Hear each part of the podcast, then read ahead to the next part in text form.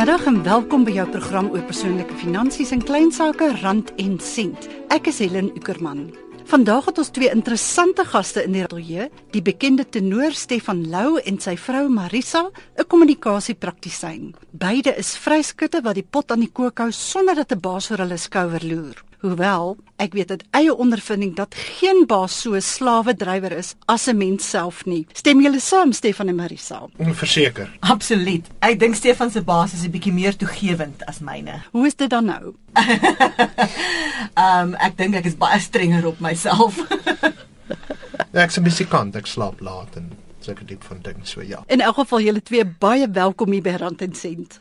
Baie dankie. Dankie baie. Stefan, jy sing al opera sedert 1999 en die Sunday Times het in 2005 vir jou geskryf dat jou stem tot nasionale skat verklaar behoort te word. Vertel kortliks vir ons van jou rolle oor die jare. Jo, lank terug het ek begin by die Truk Opera Koor en ek het daar vir 'n klompie jare gesing. En uh, my heel eerste klein rolletjie was Sampi in Boegoland wat 'n Afrikaanse opera was. En toe ek begin met Beppe in Pagliacci was toe vir my gegee in 1999. Daarna my eerste professionele hoofrol het ek gesing vir Vice de Bell nog by Rodepoort Theater. Dit was Cavaradossi in Tosca gewees. En toe het ek 'n klompie vir Vice gedoen. Ehm um, ek het bohem gesing en 'n uh, butterfly gesing. Daarna het 'n paar traviatas gevolg waar een van wat ons in Suidwes gedoen het en toe 2008 het ek die kans gehad om uiteindelik oor see te gaan en ons het uh, ek het begin daar met Napoleone in Norma wat ek gesing het in uh, Vichy in Frankryk en toe net daarna Radames wat ek in Dijon gesing het dit is uit um, Aida uit en van toe af het ek hulle maar net so ingeryg in 'n geval Ons gaan later die program uitspeel met een van Stefan se arias. Stefan sê gou vir ons watter een gaan dit wees? Dit gaan wees Di quella pira. Dit is 'n aria uit Il Trovatore van Verdi. Nou ja, ons sien uit daarna. Stefan, duidelik was jy meer as bedrywig en baie suksesvol in jou sangloopbaan. Het jy nog altyd op 'n vryskut grondslag gewerk? Ja, daar was nooit 'n besluit gewees dat ek 'n vaste kontrak wou gehad het iewers nie. Ek dink dit is 'n besluit wat ek vroeg geneem het dat dit my 'n bietjie meer vryheid gaan gee met wat ek wil doen en kan doen. So die die vryskut ding was vir my van die begin af 'n 'n kwessie gewees en ek wou dit nooit regtig myself vasteken by 'n plek en iets nie. Het dit jou nie bekommerd gehad op 'n tyd oor jy weet jy kry nie elke maand 'n check en so aan nie hoe jy dit hanteer?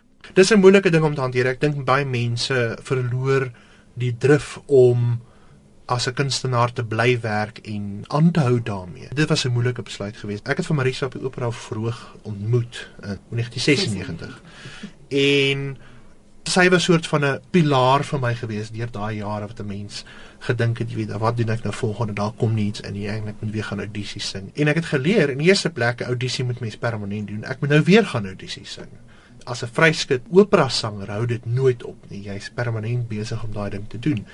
En ek dink op 'n stadium moet ek net begin leer en aanvaar dit is hoe ek werk. Dit is hoe dit gaan wees in my loopbaan en dis 'n permanente ding en ek gerus daarmee geneem en dit is vir my lekker. As 'n vryskut moet jy heeltyd natuurlik nuwe inkomste genereer. Ja, ja. Hoe het jy hom daarmee gehelp Marisa? Hy sê mos nou jy het hy het so staat gemaak op jou. Ek dink dat dit gehelp op daardie stadium dat ek 'n voltydse werk gehad het wat 'n goeie salaris betaal het. En dan natuurlik ek glo in Stefan en ek glo aan sy vermoë om 'n absolute internasionale operaster te wees. Meen iemand soos Pavarotti het nie op 20 al begin sing nie. Hy het heelwat later eers begin sing. Stefan is nou eers 40. So ek het nog al die jare en ek sal vir nog altyd aan Stefan glo dat hy dit kan doen. So dit is emosionele ondersteuning dink ek meer as enigiets anders. So jy het nie aanvanklik bietjie vuur gemaak onder hom en gesê toe toe toe Stefan tyd vir nog 'n audisie nie. Nee, ons is elkeen ons eie mense en Stefan doen wat hy wil doen, ek doen wat ek wil doen. Dis hoe dit werk. Jy luister na Rand en Sent met Helen op RSG 100 tot 104 FM. Ons ateljeegaste vandag is die tenor Stefan Lou en sy vrou Marisa Lou al twee vryskut beroepsmense in hulle onderskeie velde. Marisa bedryf haar Imlo Communications en Stefan is as vryskut bedrywig in die opera wêreld. Marisa, jy's natuurlik 'n sakevrou in eie reg en jy bedryf Emlo Communications sedert dit Maart 2011. Wat het jou laat besluit om 'n heeltydse loopbaanprys te gee en jou eie ding te doen? Helen, ek gaan probeer om 'n langerige storie te verkort. Ek is opgelei as 'n sekretaresse en ek het in 1995 begin werk as 'n ontvangsdame by 'n mediese spesialis.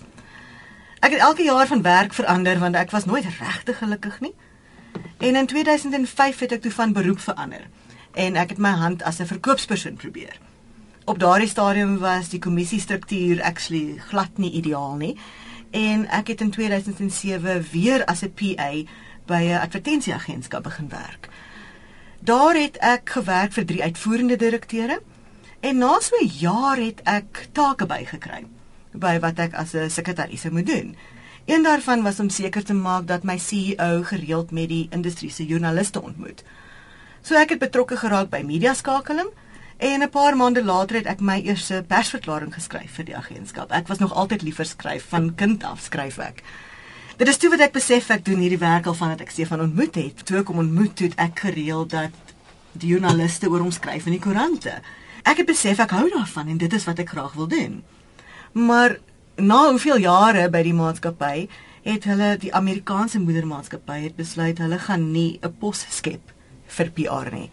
Een van die hoofde van een van die afdelings sit toe met my eendag en sê vir my, "Weet jy, hoekom bedank jy nie en ons sal jou eerste kliënt wees?" En dis wat ek gedoen het. Nou die besigheid is nou 3 jaar aan die gang, so ek kan nog nie regtig sê of dit 'n dom of 'n slim skuif was nie, maar ons gaan voort en ek gaan nie moet opgee nie. Hoe beleef jy dit om jou eie baas te wees, om vir jou eie inkomste te sorg en jou eie besluite te neem? Dit is baie moeiliker as wat ek gedink het. My pa was 'n eie baas gewees en vir so lank as wat ek kan onthou en alhoewel ons nooit 'n tekort gehad het nie, het hy altyd vertel dat dit nie kinderspeletjies is om jou eie baas te wees nie. Vandag verstaan ek dit baie goed. Ek dink om 'n mens eie baas te wees, moet jy baie deursettingsvermoë hê. Ehm um, jy moet elke oggend gemotiveerd opstaan met 'n einddoel in sig. Daar's egter vir my min dinge so bevredigend as om na produksie te kyk, na die kaartjie verkoop en weet daar dat mense nie gehoor daar was omdat jy hard gewerk het om 'n goeie produk te lewer. Weet om mense eie besluite te neem het natuurlik groot risiko want jy het niemand om te blameer as die verkeerde besluit. Inderdaad. Ja. Werk julle van die huis af of het julle kantore elders? Ons werk hoofsaaklik van die huis af. Buite my werk as vryskut sanger en die opera produksies wat ek op die planke sit, gee ek ook sangles. Ehm um, ek huur byvoorbeeld 'n sangstudio in Johannesburg op Woensdae en Donderdae en gee dan ook sangles tuis in Parys op Dinsdae en Vrydag. Woensdae aande is my werksplek, die Rodepoort Theater waar ek dan die opera koor oplei.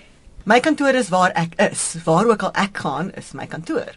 Ek gebruik dus tegnologie tot my voordeel en gebruik die cloud vir die wat nie weet nie, dis 'n stoorplek op die internet waar ek dokumente bære wat beide ek en my kliënte tot toegang het op ons selfone of op ons rekenaars. Marisa al ry nou baie rond en vat jou rekenaar en alles nou my heeltyd saam, dan werk jy tog ook baie daar van die huis af. Vlieg julle nie mekaar in die hare as julle so heeltyd in mekaar se geselskap is nie? Weet jy, dit is nie sommer problematies nie. Um wanneer ons albei van die huis af werk, is Stefan gewoonlik of voor sy klavier of in die sitkamer of in sy rekenaar by 'n vertrek wat op die boonste verdieping van ons huis is.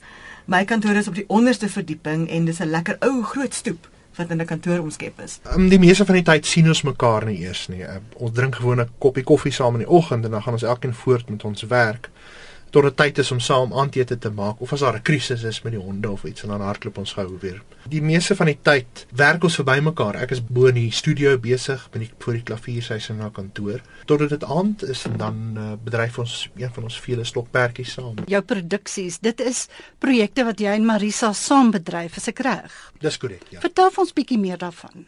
As 'n vryskut mens moet jy jou eie werk skep veral. Ehm um, jy kan nie altyd staat maak om kontrakte te kry maak saak of dit oorsee is of hier is nie. So daar's baie tye wat stil is. As 'n opera sanger in Suid-Afrika is dit ook moeilik om weer en sommer net te sê ek hou 'n konsert en dan sy vol. So mens moet basies die konserte self skep.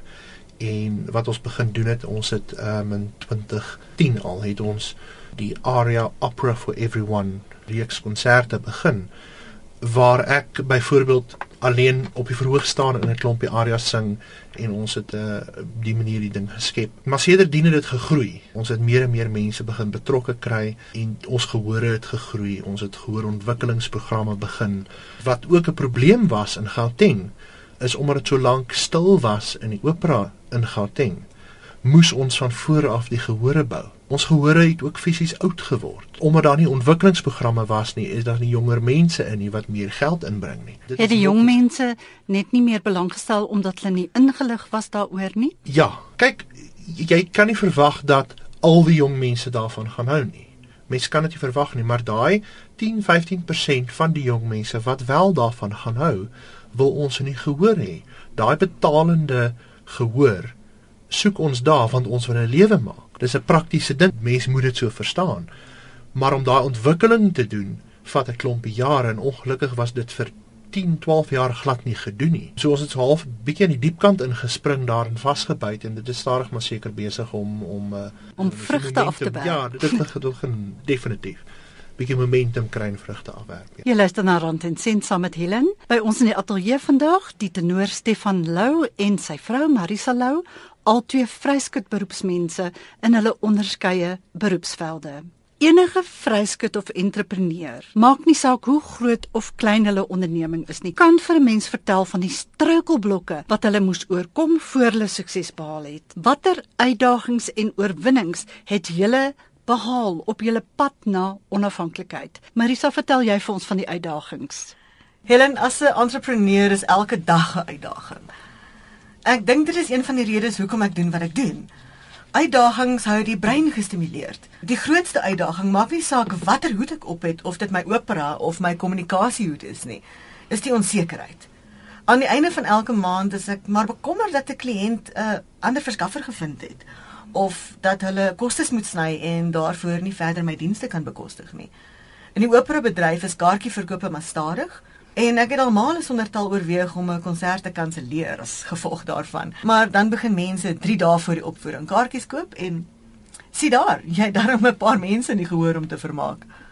En Stefan, van watter oorwinnings kan jy ons vertel? Weet jy, in die opera bedryf, ek dink ek is elke opvoering 'n oorwinning. As jy dink daaraan kaartjies vir bekende popgroepe of Afrikaanse sangers, verkoop tot en met 'n jaar voor die tyd, verkoop dit uit maklik tot op 1000 rand per kaartjie. Dit is maar gewilde musiek, dit is hoe dit werk. Opera word ongelukkig steeds gesien as 'n kunsvorm vir ou ooms en tannies en mense wil nie sommer meer as 120 rand 'n kaartjie betaal nie. Maak nie saak hoeveel kunstenaars op die verhoog is en hoe groot die produksie is nie. Ons doen nou gehoornavorsing na elke konsert en om te sien hoe die gehore stadig besig is om te verander is seker die grootste oorwinning sover. Dit beteken dat ons iets reg doen. Natuurlik is dan ook 'n oorwinning elke keer as ek 'n nuwe rol onder die knie het.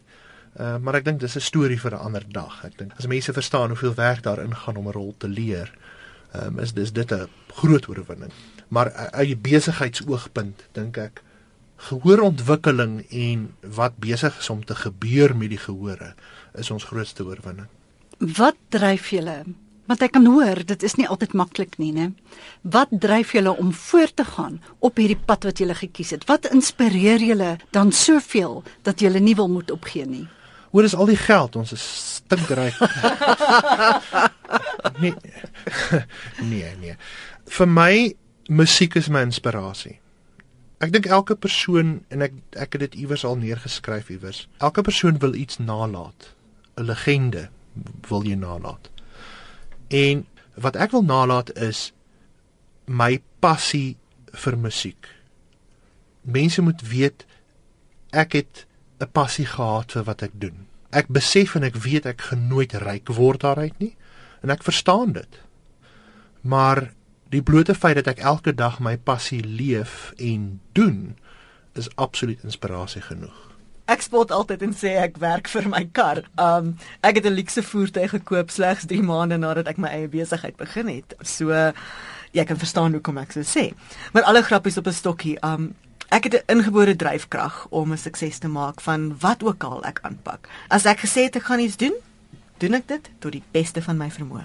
Mense het sekere eienskappe nodig om suksesvol te wees as 'n klein sakepersoon of 'n vryskut. Is daar kwaliteite of eienskappe wat jy dink jy moes eerder gehad het om beter te kon vaar? Ja, dis dis 'n moeilike ding. Ek dink die meeste kunstenaars is presies dit. Kreatiewe siele wat nie regtig erg het aan enigiets anders nie. Hulle wil sit en oefen en sing en oefen en speel en op hulle instrument of wat ook al die hele dag lank. Ek dink ek sou seker nog beter gevaar het as ek meer belangstellings gehad het in die operasionele en administratiewe kant van wat ek doen. Die sake deel. Ja, ja. Maar ek dink ek's gelukkig daarin dat ek Marisa het wat, wat die groot deel van die admin vir my doen en sodoende my besigheid help daardeur. So Marisa, dryf jy die sake deel van julle onderskeie ondernemings? Basies ja, wat wanneer as jy kyk na Stefan se goed, Stefan doen meestal is hy betrokke by die musikale gedeelte van die opera en ek hanteer dan die administrasie, die kontrakte met die kunstenaars, die verkope van die kaartjies, die bemarking, die media skakeling en dieselfde vir my eie besigheid waar buiten die besigheidsgedeelte van my eie besigheid is dit dan ook natuurlik die skryfwerk en die kliënte en om hulle gelukkig te hou. So ja. Hoe bemark julle julle dienste? Netwerk julle, adverteer julle, Marisa? Weet jy Helen, ek doen so een keer in 'n kwartaal 'n baie gefokusde bemarkingsoefening as ek dit so kan stel. Sodoende kry ek dan die geleentheid om voornemende kliënte te ontmoet wat ek glo aangesig ontmoetings baie baie belangrik is. Netwerk daarom is die heel belangrikste ding vir enige klein sake eienaar. En selfs al stap jy uit 'n vergadering uit waar die persoon nie van jou dienste kan gebruik nie, moet jy nog steeds vra of hulle enige iemand ken, een of twee name wat dalk van jou dienste gebruik kan maak. So daardie e-pos wat ek uitstuur en vir mense meer vertel oor wat ek doen, is belangrik want dit kry my voor hulle en as hulle dan nie belangstel nie, dan kan hulle dalk van iemand weet wat belangstel. So advertensie nee, nie vir my nie, maar definitief sosiale media en dan aangesig vergaderings. Dit is nou nie vir almal maklik om hulle self te bemark nie, Stefan. Party mense is bietjie skaam en skugter. Hoe oorkom 'n mens dit? Ek dink ondervinding en 'n mens moet ook 'n sekere selfvertroue in jouself hê voordat jy so iets begin doen. Jy weet 'n mens kyk snaaks na iemand wat 'n oorselfvertroue het. En daar's daai fyn lyn wat 'n mens moet trek. Jy kan ook nie te min van jouself dink nie. Wat ek dink snaaks genoeg een van my probleme was vroeër, is ek was redelik skaam oor wat ek gedoen het en dit het 'n rukkie gevat om myself vertroue te kry om dit te begin doen. In my besigheid werk advertensies baie goed, maar daarvoor het mense natuurlik baie geld nodig en ongelukkig in opera weet wie wie sponsor en wie gee geld dit bestaan ek nie. So daarvan is ek baie afhanklik van byvoorbeeld Marisa se verhoudings met die verskeie media wat vir ons publisiteit gee. Ek self gebruik hoofsaaklik Facebook om mense bewus te maak van my konserte. En ehm um, my sangnes byvoorbeeld adverteer ek sommer in die classifieds en daar daarvoor kom mense gelukkig maklik weg heel goedkoop weg um, wat advertensie aanbetref. En werk dit? Ja, dit werk. Dit werk verseker. Maar dit is weer eens, dit is nie 'n ding wat onmiddellik begin nie. Ek dink mense maak die fout hier te dink ek gaan vandag adverteer en oor 'n week gaan my sangstudio vol wees. Dit werk nie so nie. Jy moet 'n naam bou, jy moet 'n reputasie bou. En daai tipe van ding vat tyd. Dit vat maande en nie jare nie. En dan daarna begin dit ook baie soos die Engelse sê word of mouth raak. Vind julle dit? Absoluut, absoluut. Veral in my besigheid, snaaks genoeg. Maar ek het ondervinding met Marisa se besigheid ook. Sy kry dieselfde ding dat een kliënt vir 'n ander een sê, "Hoorie, ek gebruik haar as praktisyn" en dan kry sy so die nuwe besigheid. So word of mouth is waarskynlik nog die mees sterkste manier van advertensie as mens amper kan sê of reklame dan op die ou einde. Dit kan ook vreeslik teen jou werk. So wat moet 'n mens doen om word of mouth vir jou te laat werk? Weet jy Helen, om word of mouth vir jou te laat werk, moet jou produk of jou diens uitstekend wees. Jy moet eenvoudig die beste produk lewer. Jy moet kop en skouers uitstaan bo ander mense wat dieselfde diens of produk as jy lewer. Vir die wat nou pas by ons aangesluit het, baie welkom by Rand en Sent. En net sodat jy ook weet, ons gesels vandag met die tenor Stefan Lou en sy vrou Marisa Lou, al twee vryskut beroepsmense in hulle onderskeie velde. Marisa bedryf haar Emlo Communications en Stefan is as vryskut bedrywig in die opera wêreld as sanger. Onthou jy kan hierdie program aflaai in MP3 formaat van RSG se webwerf rsg.co.za. Nou kom ons by die moeilike deel. Wat is julle noodplan? Sou julle nou eendag agterkom daar kom nie genoeg geld in om al julle verantwoordelikhede na te kom nie, né? Nee, Marisa, jy het nou net gepraat van jou luukse voertuig. en soos julle uh vermaaklikheidsmense nou sê Stefan, die show moet mos aangaan. So het julle 'n plan in plek as dinge sou skeefloop? Sjoe, dis 'n moeilike een om te antwoord. Jy weet, almal loop deur daai diep pad. Ek dink die meeste van ons het al teen 'n muur vasgehardloop en dan ewe skielik dink jy, hoe gaan ek hier oorkom? Wat gaan ek doen? Ons self het byvoorbeeld 2 jaar terug al ons persoonlike uitgawes gesny tot 'n minimaal tot ons besluit wat vir ons belangrik, wat hou ons koppe op die regte pad, jy weet, en ons het daarbey gebly. Die meeste van die uitgawes gesny behalwe nou Marisa se kar, maar wat sy amper half waansinnig gaan vasklou.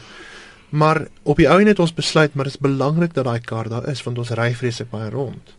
En om dit dan nou te doen in 'n ou skedonk wat breek en mens moeilikheid gee, gaan mens duurder uitwerk sielkundig amper as as wat jy betaal en hard werk om die kar te hou en jou werk te kan doen. Ja, ook nie net sielkundig nie, want as jy pad is na afspraak en dan moet jy bel en sê, "Wel, my linker agterwiel het nou net afgeval."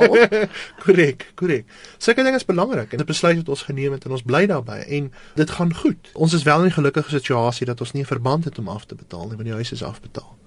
En dit help baie.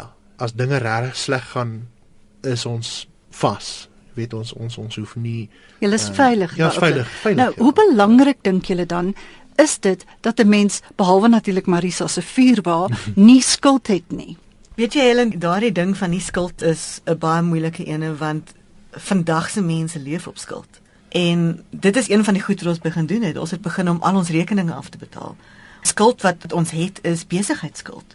Ek moes 'n drukker gaan huur vir ons kantoor want ek het gaan sit en gaan uitwerk wat kos my meer om elke dag te ry na die drukker in Parys en goed te laat druk en dit weer te gaan haal of om 'n drukker te huur. So daar is goederes wat 'n mens skuld het as ek dit so kan stel, maar dit is operasionele skuld. En dit is belangrik om die besigheid aan die gang te hou. Maar om skuldvry te wees, dit is sover as moontlik die ding wat ons almal na moet streef. Begin by die kleinste enetjie. Dis wat ons gedoen het. Daai enetjie wat R2000 'n maand is, maak hom skoon en werk so op na die hoogste toe. Ons is nou by daai wat 'n bietjie moeiliker is om af te betaal. Maar 'n kredietkaart. Uiteindelik haal dit natuurlik baie stres van jou af. Ek, ek verkoop 'n nier as iemand belangstel. Nee, maar maar dit doen hè en dit haal regtig soveel stres van 'n mens af want as jy net kyk hoeveel rente jy betaal op jou kredietkaarte of op jou oortrokke fasiliteit. Daai rente van 4-5000 rand in baie mense se gevalle baie meer maak 'n baie groot verskil in 'n moeilike maand. Wie hanteer julle geldsaake, die boekhouding, die beplanning, julle belasting? Het julle 'n boekhouer of 'n rekenmeester Mhm. of doen julle dit sommer self? Nee, nee, nee, nee, my my pa het altyd sy goed self gedoen en ek het altyd so aan die einde van die belastingjaar na hom gekyk en gesê ek doen dit nie self nie, dankie. En dan rekeningkunde is nie my sterkpunt nie, verseker nie. Watter lesse het julle geleer met betrekking tot julle onderneming se geldsaake? Weet jy, daar's een eenvoudige antwoord daarop en dit is iets wat mense te harte kan neem is moet nie jou kuikentjie stel nog voordat jy eers die eiertjies gelê het nie. En dit is met enige besigheid so. Mense wat en, en dis waar daai skuld ding ook inkom. Hulle begin dinge doen en geld uitgee met die belofte van 'n kontrak of so iets.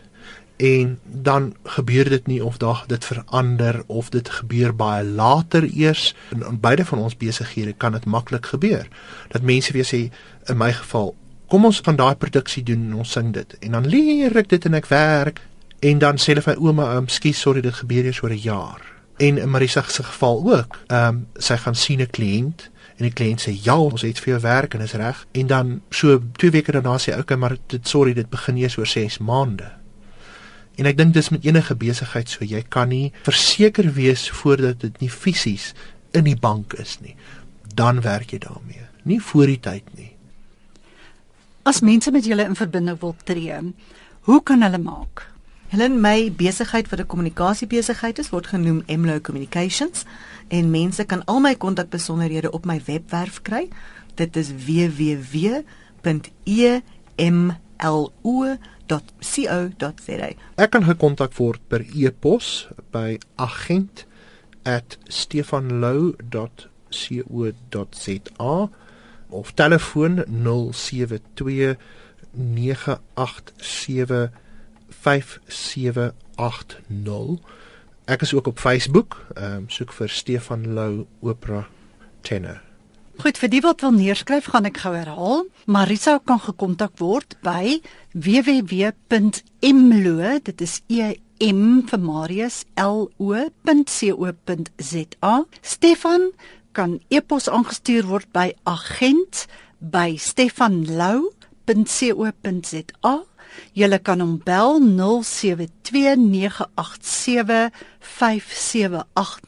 en hy is ook op Facebook te kry by Stefan Lou Opera Tenor. Dit is dan nou soos 'n tenor in Engels met een o. Volg my gerus op Twitter by Handvatsel Helen Ukerman of op Facebook by Rand en Sent Helen Ukerman. Baie dankie Marisa en Stefan.